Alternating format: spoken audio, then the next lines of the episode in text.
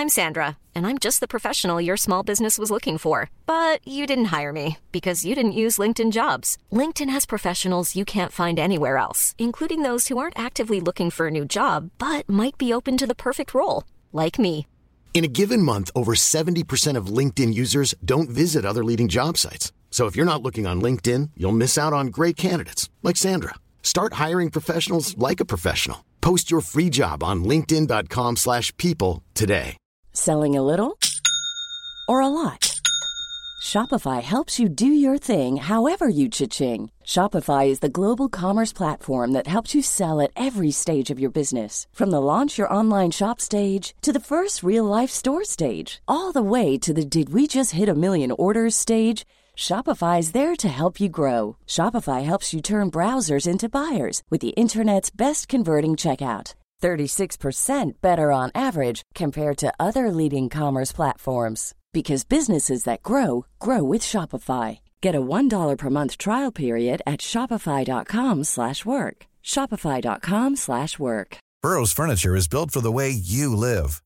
From ensuring easy assembly and disassembly to honoring highly requested new colors for their award-winning seating, they always have their customers in mind. Their modular seating is made out of durable materials to last and grow with you.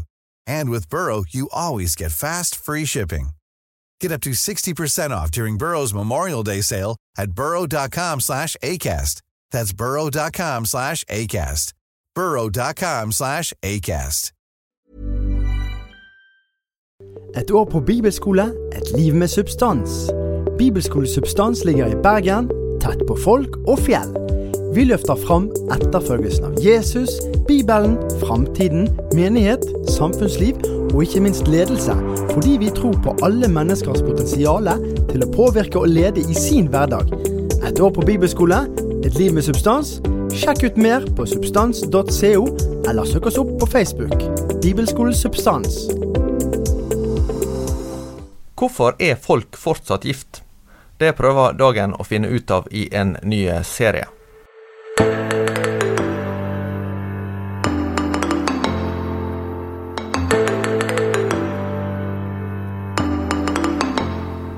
Velkommen til Tore og Tarjei. Tarjei Gilje er på plass i studio, og det er også jeg, Tore Hjalmar Sævik. Og eh, du Tarjei, du har vært ute og truffet kollegaer i det siste. Ja, det her er den store bransjefestuken. Det er både medielederkonferanse på tirsdag, og så Nei, skal vi se, nå går dagene i surr her. Og så er det var onsdag, vel.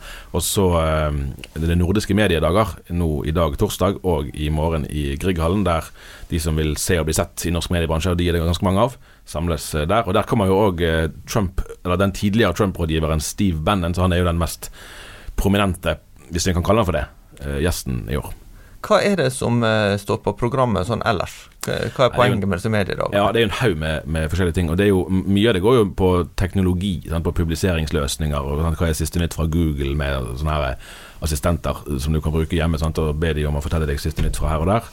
Eh, og så, eh, men så er det jo veldig mye som handler om journalistisk eh, utvikling, sant, om, eh, om eh, bransjens rammevilkår på forskjellige plan. Så det er veldig mye både på et stort eh, abstrakt perspektiv, men òg mye som er konkret inspirasjon og ettertanke i det daglige arbeidet. Hva tenker du om at det har vært så mye diskusjon rundt Steve Bannon sitt besøk?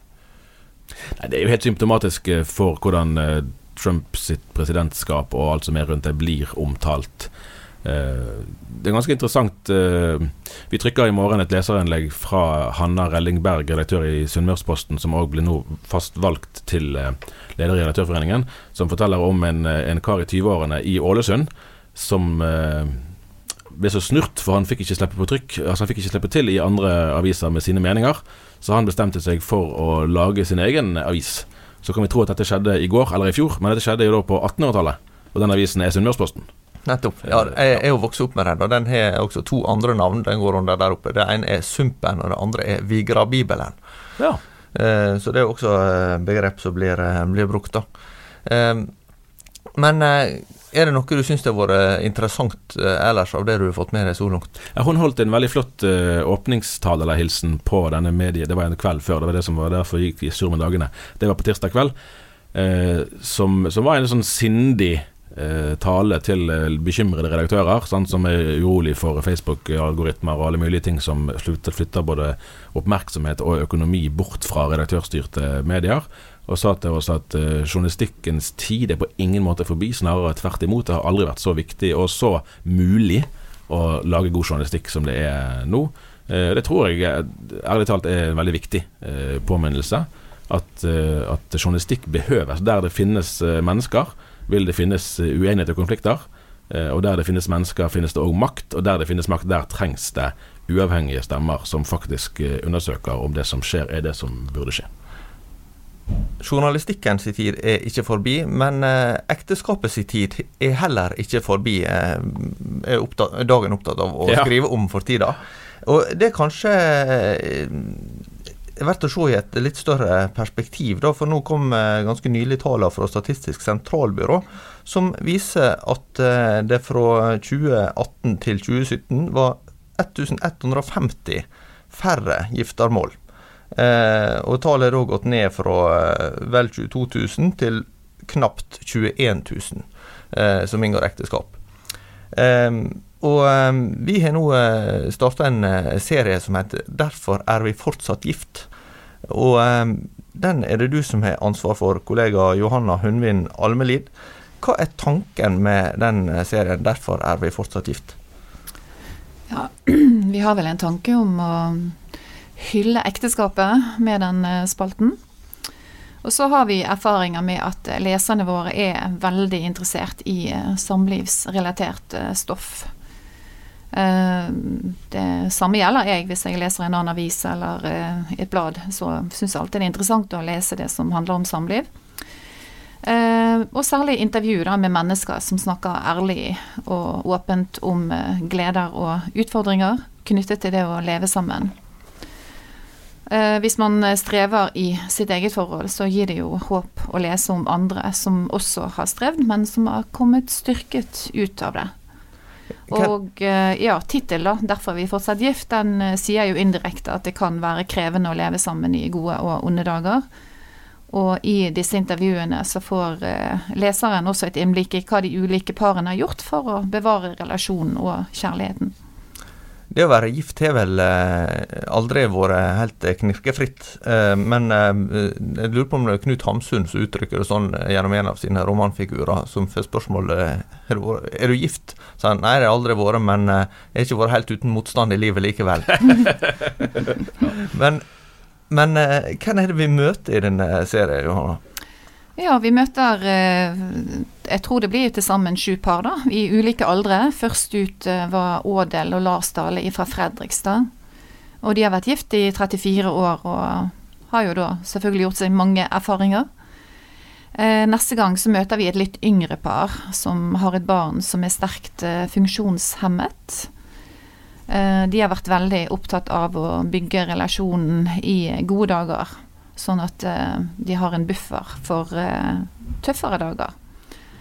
Vi har også snakket med et par der det er ganske stor aldersforskjell, og vi kommer til å intervjue et uh, tverrkulturelt par også, da. Så det blir litt forskjellig.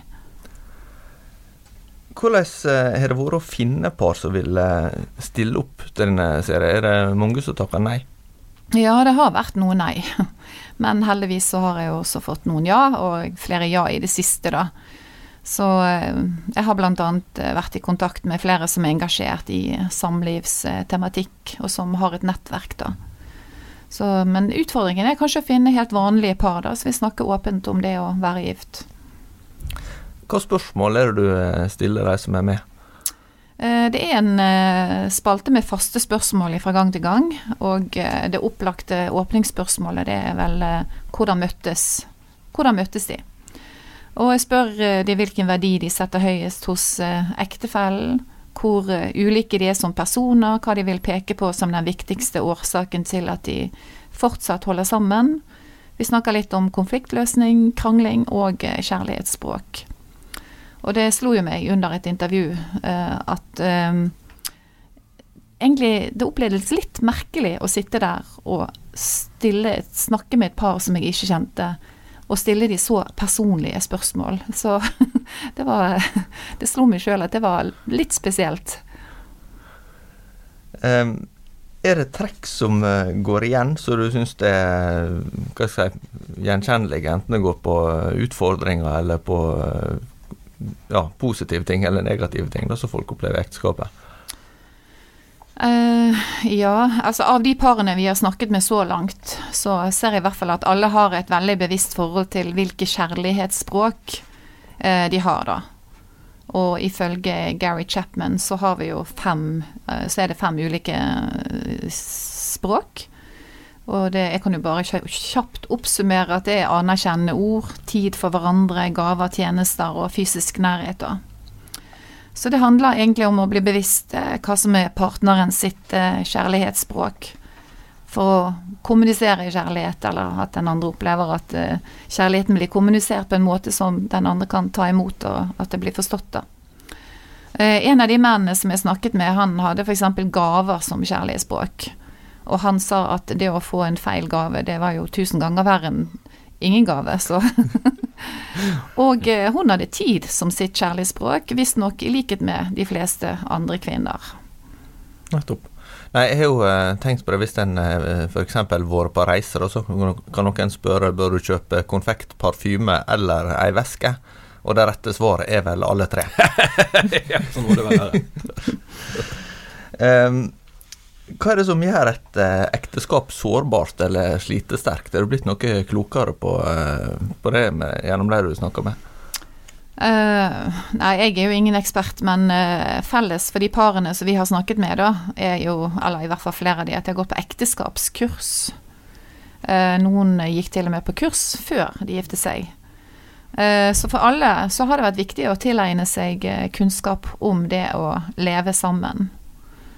Og kanskje handler det også om en realitetsorientering av at eh, hva er realistisk for oss å få til akkurat nå, i en fase med små barn f.eks., eller kanskje et funksjonshemmet barn. da. Uh, et av parene forteller at de booker et møte med hverandre en gang i uken. Hver kveld så har de en sånn parkveld. Og de er veldig bevisste på å holde den avtalen. Og eh, en annen ting er at eh, det er jo en par som du møter, så tenker du de ser jo nesten litt sånn perfekte ut, og de må jo Ja, her er, her er alt bra. Men når du snakker med par og kommer de litt inn på klingen, så ser du at alle har sitt. Alle har opplevd motgang og individuelt Ja, individuelt, men også i forholdet, da. Så, men de har en høy bevissthet om at de har lovet å være hos hverandre i gode og onde dager. Og så opplever de også at ekteskapet er en god ramme for samlivet. Jeg hører han eh, Espen Ottosen sa eh, i et foredrag at eh, ekteskapet det var som å gå inn i et skap som en låste og heiv nøkkelen og sa 'her kommer ingen av oss ut i livet'. det høres jo lystelig ut. Men eh, ja, du tar, begynner også å få en del erfaring som ektemann. Kjenner du igjen i det du hører her? Nei, altså jeg føler meg ennå som ganske nygift etter ja. kun eh, åtte år. Så vi syns bare så vidt det har begynt. Ja, Det er jo lite. Jeg nærmer meg 13 nå. Ja, takk for det. Ja. Vi eldes. Nei, men det er en veldig fascinerende, fascinerende sak på den måten at uh, hvis vi prøver å se på dette med rent sånn nøkterne, uh, altså faktisk orienterte briller, så, så ville man jo ganske lett kunne se at stabile samlivsordninger er et gode generelt sett både for den enkelte og for samfunnet. For den saks skyld, vi, vi, samfunnet ville spart store penger hvis færre samliv ble oppløst. Virkelig store penger. I form av sykefravær og, og i det hele tatt. Eh, men så er jo dette så mye forbundet med følelser og så mye med historie, og det å, det å være veldig sånn normativt opptatt av å forsvare ekteskapet, blir jo gjerne forbundet med religiøse miljøer. Og det er jo nettopp de miljøene som mange i Norge ønsker å ha på en viss avstand. Som man oppfattes veldig lett som moraliserende, da. Eh, hvis man ønsker å snakke frem, eh, eller å snakke opp ekteskapet. Eh, men det er jo samtidig en kjensgjerning, eh, og det vil jo enhver samlivsekspert eh, formodentlig kunne bekrefte, at jevnt over så har mennesker det bedre hvis man er i stabile relasjoner. Det er jo flere som er påpekt eh, Lurer på han Asle Toje f.eks., eh, han utenrikspolitiske forskere som også nå sitter i Nobelkomiteen, at uh, i europeisk sammenheng så er ekteskapet måtte i stadig større grad blitt nesten litt sånn eh, et mer elitefenomen. Altså det vil si at det, det, er de som greier seg bra i livet, som velger ekteskapet. Eh, og det med ustabile samlivsformer, og mer uforpliktende, det er egentlig noe som, som eh, i stor grad eh, si, blir mer vanlig blant folk som kanskje strever sosialt, og dermed så taper en enda mer, også økonomisk. Ja. Eh, og Det er jo en interessant observasjon. For, for eh, noe av det som eh, er utfordringa, er jo at, selvsagt at mange ekteskap går i oppløsning. Men det er jo kanskje enda større ut, utfordring med alle ekteskapene som aldri blir inngått. Altså, Det er utfordringen at mange går ut av ekteskapet, men det er kanskje en enda større utfordring at så mange aldri går inn i det. Mm. Um, men uh, hva tenker du om mulige forklaringer til det? Nei, Det kan jo være en, en, mengde forklaringer, og noen kan jo være praktiske og økonomiske. Eh, noen, noen, i hvert fall i vår kultur, der vi legger såpass stor vekt på den enkeltes eh, selvstendige, hjertelige tilslutning til parforholdet, så kan jo mange være ja vel, vi liker hverandre godt, men er dette trygt nok, og er det nok grunnlag her til osv. å bygge liv sammen, og alle de vurderingene man kan ta der. Dagen skrev jeg på lederplass, tror jeg faktisk for en ti års tid siden under den forrige sjefredaktør, at uh, ekteskapsalderen burde ned. Jo, altså I tråd med historien så er jo vi veldig seine nå i vår tid sant, med å etablere oss. Men så er det jo samtidig tilfellet at veldig mange som gifter seg, har jo da i praksis altså vært familie i mange år gjerne allerede. Sånn at, sånn at de, altså navnet på det kan jo være forskjellig. Og det er jo en kjensgjerning at en, en hel del samboerskap kan jo være vel så stabile, for så vidt, som mange ekteskap. Eh, og sånn fra et samfunnsperspektiv så vil jo, vil jo det viktigste være at man har eh, stabilitet, men fra et uh, kristent ståsted, klart. Sant? Men i det hele tatt òg fra, fra, samfunnets side vil man vel måtte erkjenne at ekteskapet har vist seg å være mer stabile enn en samboerskap. Sånn at det òg, altså uavhengig av måtte, religiøs tilknytning, at det er en fordel uh, å ha en forpliktende gjensidig avtale mellom de to partene.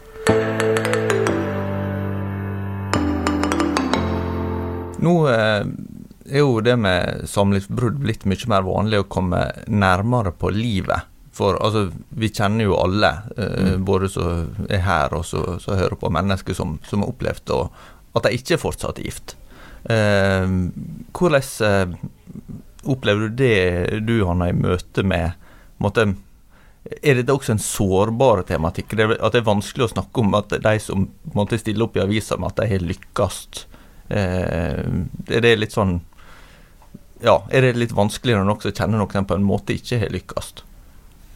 Ja, jeg vet ikke hva jeg skal svare til det, da, men uh, tittel på spalten indikerer jo at det er mange som ikke lykkes. Si. Derfor er vi fortsatt gift. Og det er mange som har inngått ekteskap, og som ikke lenger er gift.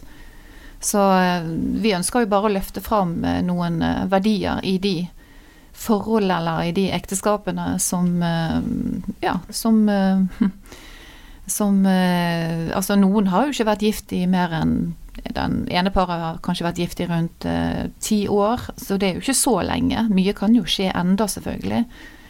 Men uh, ja, men det er, jo, det er jo først og fremst det vi vil med spalten, da. Jeg har mm. ikke Ja. Hva du tenker du om, om det? Ja, altså um for, for, det kan være at jeg er litt overfølsom, da. Uh, men jeg tenker faktisk på det når jeg Til og med noe så trivielt, for så vidt, men veldig hyggelig, da. Som når jeg er ute og konen min og, og meg er ute og går tur med barna våre, så er vi fem stykker som går i en park, eller hva det måtte være. Uh, og da jeg nesten kan tenke på det som Hva slags signaleffekt er det egentlig vi sender ut nå? At her er vår lykke, og vi har vår boble, og så fint, og dumt for dere som ikke har den samme. Sant? Og det er jo en slags sånn, tror jeg, eh, en slags reaksjon på det som har vært hovedtrenden i i den grad det er en debatt om familie i samfunnet nå, så er det jo eh, hvor viktig det er å inkludere ulike slags familiesammensetninger. Det er det vi snakker mest om, at familie er blitt et mye mer mangfoldig begrep. Eh, og, og man har barn med flere forskjellige, sant? og dermed er familien sammensatt på ulike måter. Eh, sånn at det å fremholde faktisk, altså mor og far og barn, den tradisjonelle kjernefamilien, det er nesten noe man kan bli sånn skamfull over, eller i hvert fall veldig forsiktig med å snakke opp, fordi man har en, kanskje en form for empati da, med mennesker som gjerne skulle ønske at det var sånn for de òg, men så har ulike ting i livet inntruffet som gjør at, uh, at sånn ble det ikke. Uh, men det er jo ikke noe bra på noe område i livet hvis vi i vårt velmente ønske om å hindre utenforskap, altså å inkludere flest mulig, ender opp med å ikke våge å snakke positivt om det som jo helt opplagt er et utgangspunkt for livet, for mange, eller de fleste, nemlig altså kjernefamilien med. Da, altså Der er en mor og en far og barn inne i bildet eh, hos alle mennesker, sant, på et eller annet vis. Eh, og det, det er ikke noe selvsagt eh, ting, eh, og det blir i hvert fall ikke opprettholdt eh, av seg sjøl. Eh, så jeg tror vi, vi trenger Altså det er vel en del sånne moralske hindringer kanskje som, som gjør at man eh, ikke vil diskutere dette så mye offentlig. F.eks. at ekteskapskurs burde jo på mange måter være et helt adekvat eh, tilbud for alle slags, eh, altså par med alle slags sosial eller religiøs tilhørighet. Men det er vel egentlig Altså I kristne miljø, i menighetsaktive miljø, så er det jo ganske kurant å snakke om, oppfatter jeg. Det er mange som går på sånne kurs. Jeg har ikke inntrykk av at det er noe sånn veldig utbredt eh, i samfunnet for øvrig. Det burde det egentlig være.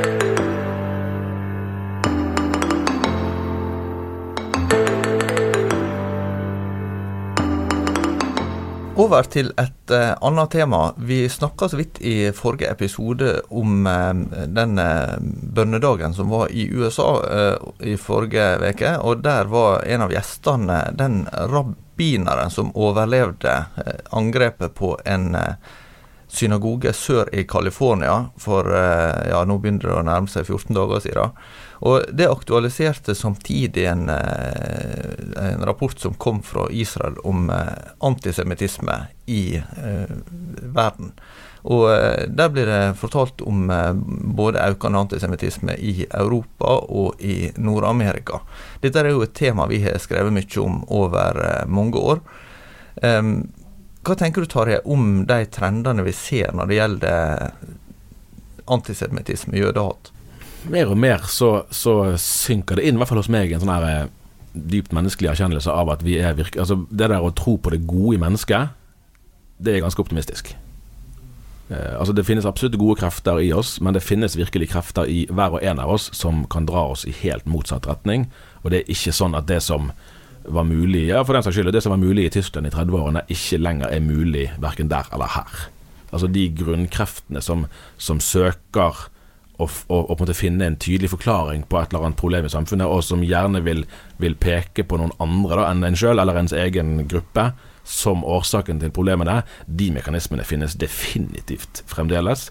Og da er det jo gjerne lett for oss å ty til kjente forklaringsmodeller, og da er jo jødehat en av de aller mest eh, seiglivede. Det gjorde inntrykk på meg når jeg i fjor eh, leste boken til Marte Heian Engdahl, altså en av neste generasjons Midtøsten-forskere, som fortalte om hvordan jødene i Europa på 1800-tallet egentlig var ganske godt integrerte i mange europeiske land. Eh, og, og det, det, var det de ville. De ville ikke ha noe eget land. De ville være europeere, de i Frankrike og hvor det var henne. Men, men når de så fremdeles, da, etter så mange hundre år, at det var rettsprosesser og i det hele tatt samfunnsutvikling som, som gjorde at de skjønte at nei, dette går ikke. Vi blir aldri mer enn jøder eh, sant, i disse samfunnene, og da må vi ta konsekvensene av det. Det er jo, det er jo en forferdelig trist erkjennelse, og egentlig er det jo den vi ser eh, fortsettelsen av ja. i vi, de helt nydelige hendelsene. Da. Eh, lederen for eh, European Jewish Congress eh, han sa da en årets rapport om antisemittisme ble presentert, at antisemittisme er ikke lenger begrensa til ytre høyre, ytre venstre og radikal islam. Det er blitt normalisert. Og det er jo egentlig ganske tankevekkende når vi nå nettopp har passert 8. mai og, mm. og markert at, uh, slutten på andre verdenskrig. Ja. Eh, nå er det snart 80 år siden eller 79, da, siden eh, Nei, nå rota jeg. 74. 74 år siden eh, krigen var ja, over. Mm. 79 år siden det begynte.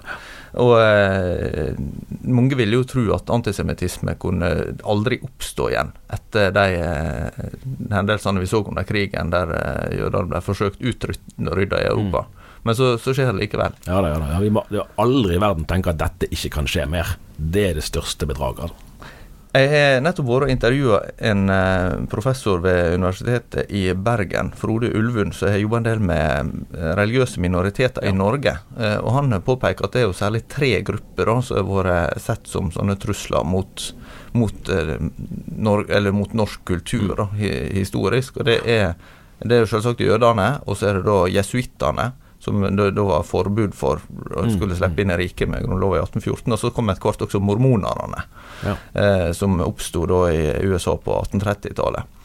Men eh, det med jødene er jo interessant også, for at det, det inngikk i eh, sånn som du sier, en eh, tradisjon som var flere hundre år gammel i, i Europa. Det ble kastet ut av England på 1200-tallet, det ble kastet ut av Spania på 1400-tallet. Eh, de slapp ikke inn i Danmark-Norge også før 1814. Mm. Sånn at det, det er ganske eh, hva skal jeg si, eh, det er ganske mørke historier da, ja. på dette feltet. Eh, og jeg tror kanskje noe av utfordringen her er at det er lett for meg å si som har studert historie, men, men, at folk er for lite bevisst på hva historie vi har bak oss. Ja. Eh, sånn er det jo generelt sett, sant? og det kan du på en måte ikke holde imot. Altså, vi er ikke et samfunn av historikere, så det trengs en vedvarende bevisstgjøring. Eh, og, og, og, der tror jeg at, at det, en del av de fordommene lett eh, hva jeg si, lever videre da, mm. eh, om, eh, om, jøder, dessverre. Men eh, det er jo også desto viktigere at, eh, at dette blir skrevet om i, også i media, ja, og at det blir hva si, at en kan få innsikt i hva fenomenet egentlig dreier seg om. Ja. Ja, og Da er det jo ikke minst i vår politiske, konkrete situasjon sånn, viktig og nødvendig. og Det er jo jødene i Norge veldig opptatt av å skjelne mellom altså, Det er ikke sånn at, at Benjamin Netanyahu er den eneste Altså Enten for eller mot han, det er ikke det som er spørsmålet her. Sant? For jødehat ligger mye dypere enn hvem som til enhver tid er politisk valgt leder i staten Israel. Dette handler jo om jødene iblant oss, alle steder. Ja, Sånn sett er det jo interessant at blant amerikanske jøder så er det flere som mener at Donald Trump er for Israelvennlig enn det blant evangeliske kristne. Det viser en ny undersøkelse fra Pure Research Center. Men eh, nå er jo eh, jødene i USA tradisjonelt eh, mer demokratisk orientert, og ikke, ikke republikansk. da. Men når du først er inne på situasjonen i Israel, det har jo vært nokså dramatisk med, med grensa til, til, Gaza nå i det siste, med veldig rakettregn. Hvordan skal vi fortolke det som, som skjer nå?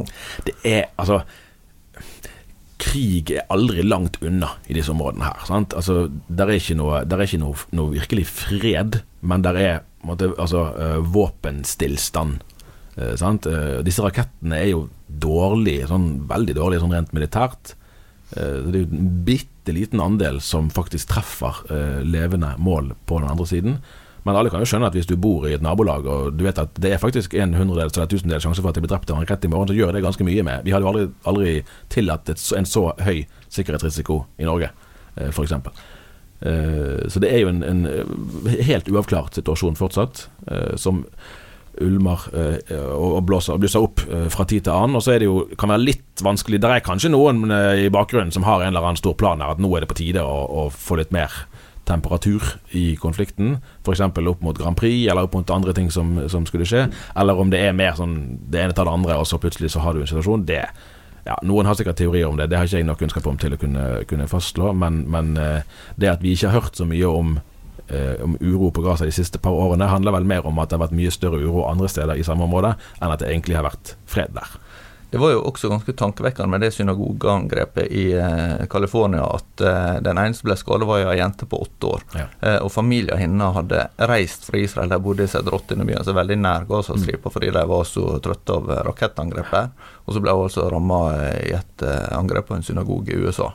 Så det sier jo også noe om om eh, den si, livsopplevelse som mange jøder har med å ikke være trygge noen plass, egentlig. Ja, da, er det jo, også, det er ikke, Man må ikke være noe si, sosialarbeider eller på en annen måte faglig ekspert i relasjonelle forhold for å forstå. Hvis du tenker at eh, hvis, du, hvis vi Tor Hjalmar, som relativt unge, da, foreldre, småbarnsforeldre, eh, skulle bo i Gaza Sant? Og ja vel, Barna mine skal vokse opp her. Det er ingenting som tyder på at det her blir noe gode kår for utdanning og helsevesen og hva det måtte være i tiden fremover. Hva i alle dager skal du gjøre? Så det er jo ikke noe problem å forstå uh, fortvilelsen der uh, heller. Vi kommer nok tilbake igjen til både eh, samliv og Midtøsten etter hvert, men det var det vi rakk for i dag. Ta gjerne kontakt med oss på Tarjei krøllalfadagen.no eller Tore krøllalfadagen.no.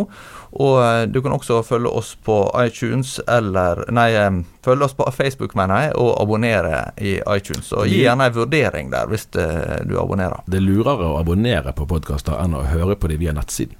Ja. Det er et sånn teknisk tips abonnere på podkast-apper, eller ha podkast-apper og abonnere på podkastene der. Da det, kan du ha det med deg når du kjører bil og kjører buss og sykler og går. Og Hva det måtte være. Du trenger ikke datamaskinen foran deg. Og nå tror jeg også nettredaksjonen i dagen skulle lage en slags instruks på helt hvordan en kan laste ned det. Så det kan en finne på dagen.no. Da blir det mer tilgjengelig. Takk til eh, Johanna Hundvin Almelid, og takk til dere som hørte på. Vi høres neste uke.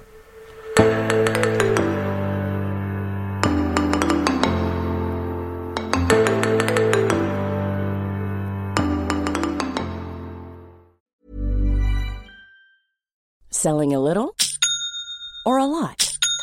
Shopify helps you do your thing however you cha-ching. Shopify is the global commerce platform that helps you sell at every stage of your business. From the launch your online shop stage to the first real life store stage, all the way to the did we just hit a million orders stage. Shopify is there to help you grow. Shopify helps you turn browsers into buyers with the internet's best converting checkout. 36% better on average compared to other leading commerce platforms because businesses that grow grow with Shopify. Get a $1 per month trial period at shopify.com/work. shopify.com/work. Summer's just around the corner, so give your body the care it deserves with Osea's best-selling Andaria algae body oil. Created by infusing Andaria seaweed in barrels of botanical oils, it leaves skin silky soft and glowing. Plus, it's clinically proven to improve elasticity and deeply moisturize without feeling greasy. It's safe, clean, vegan skincare. Get 10% off your first order at OseaMalibu.com with code GLOW, plus free shipping on orders over $60.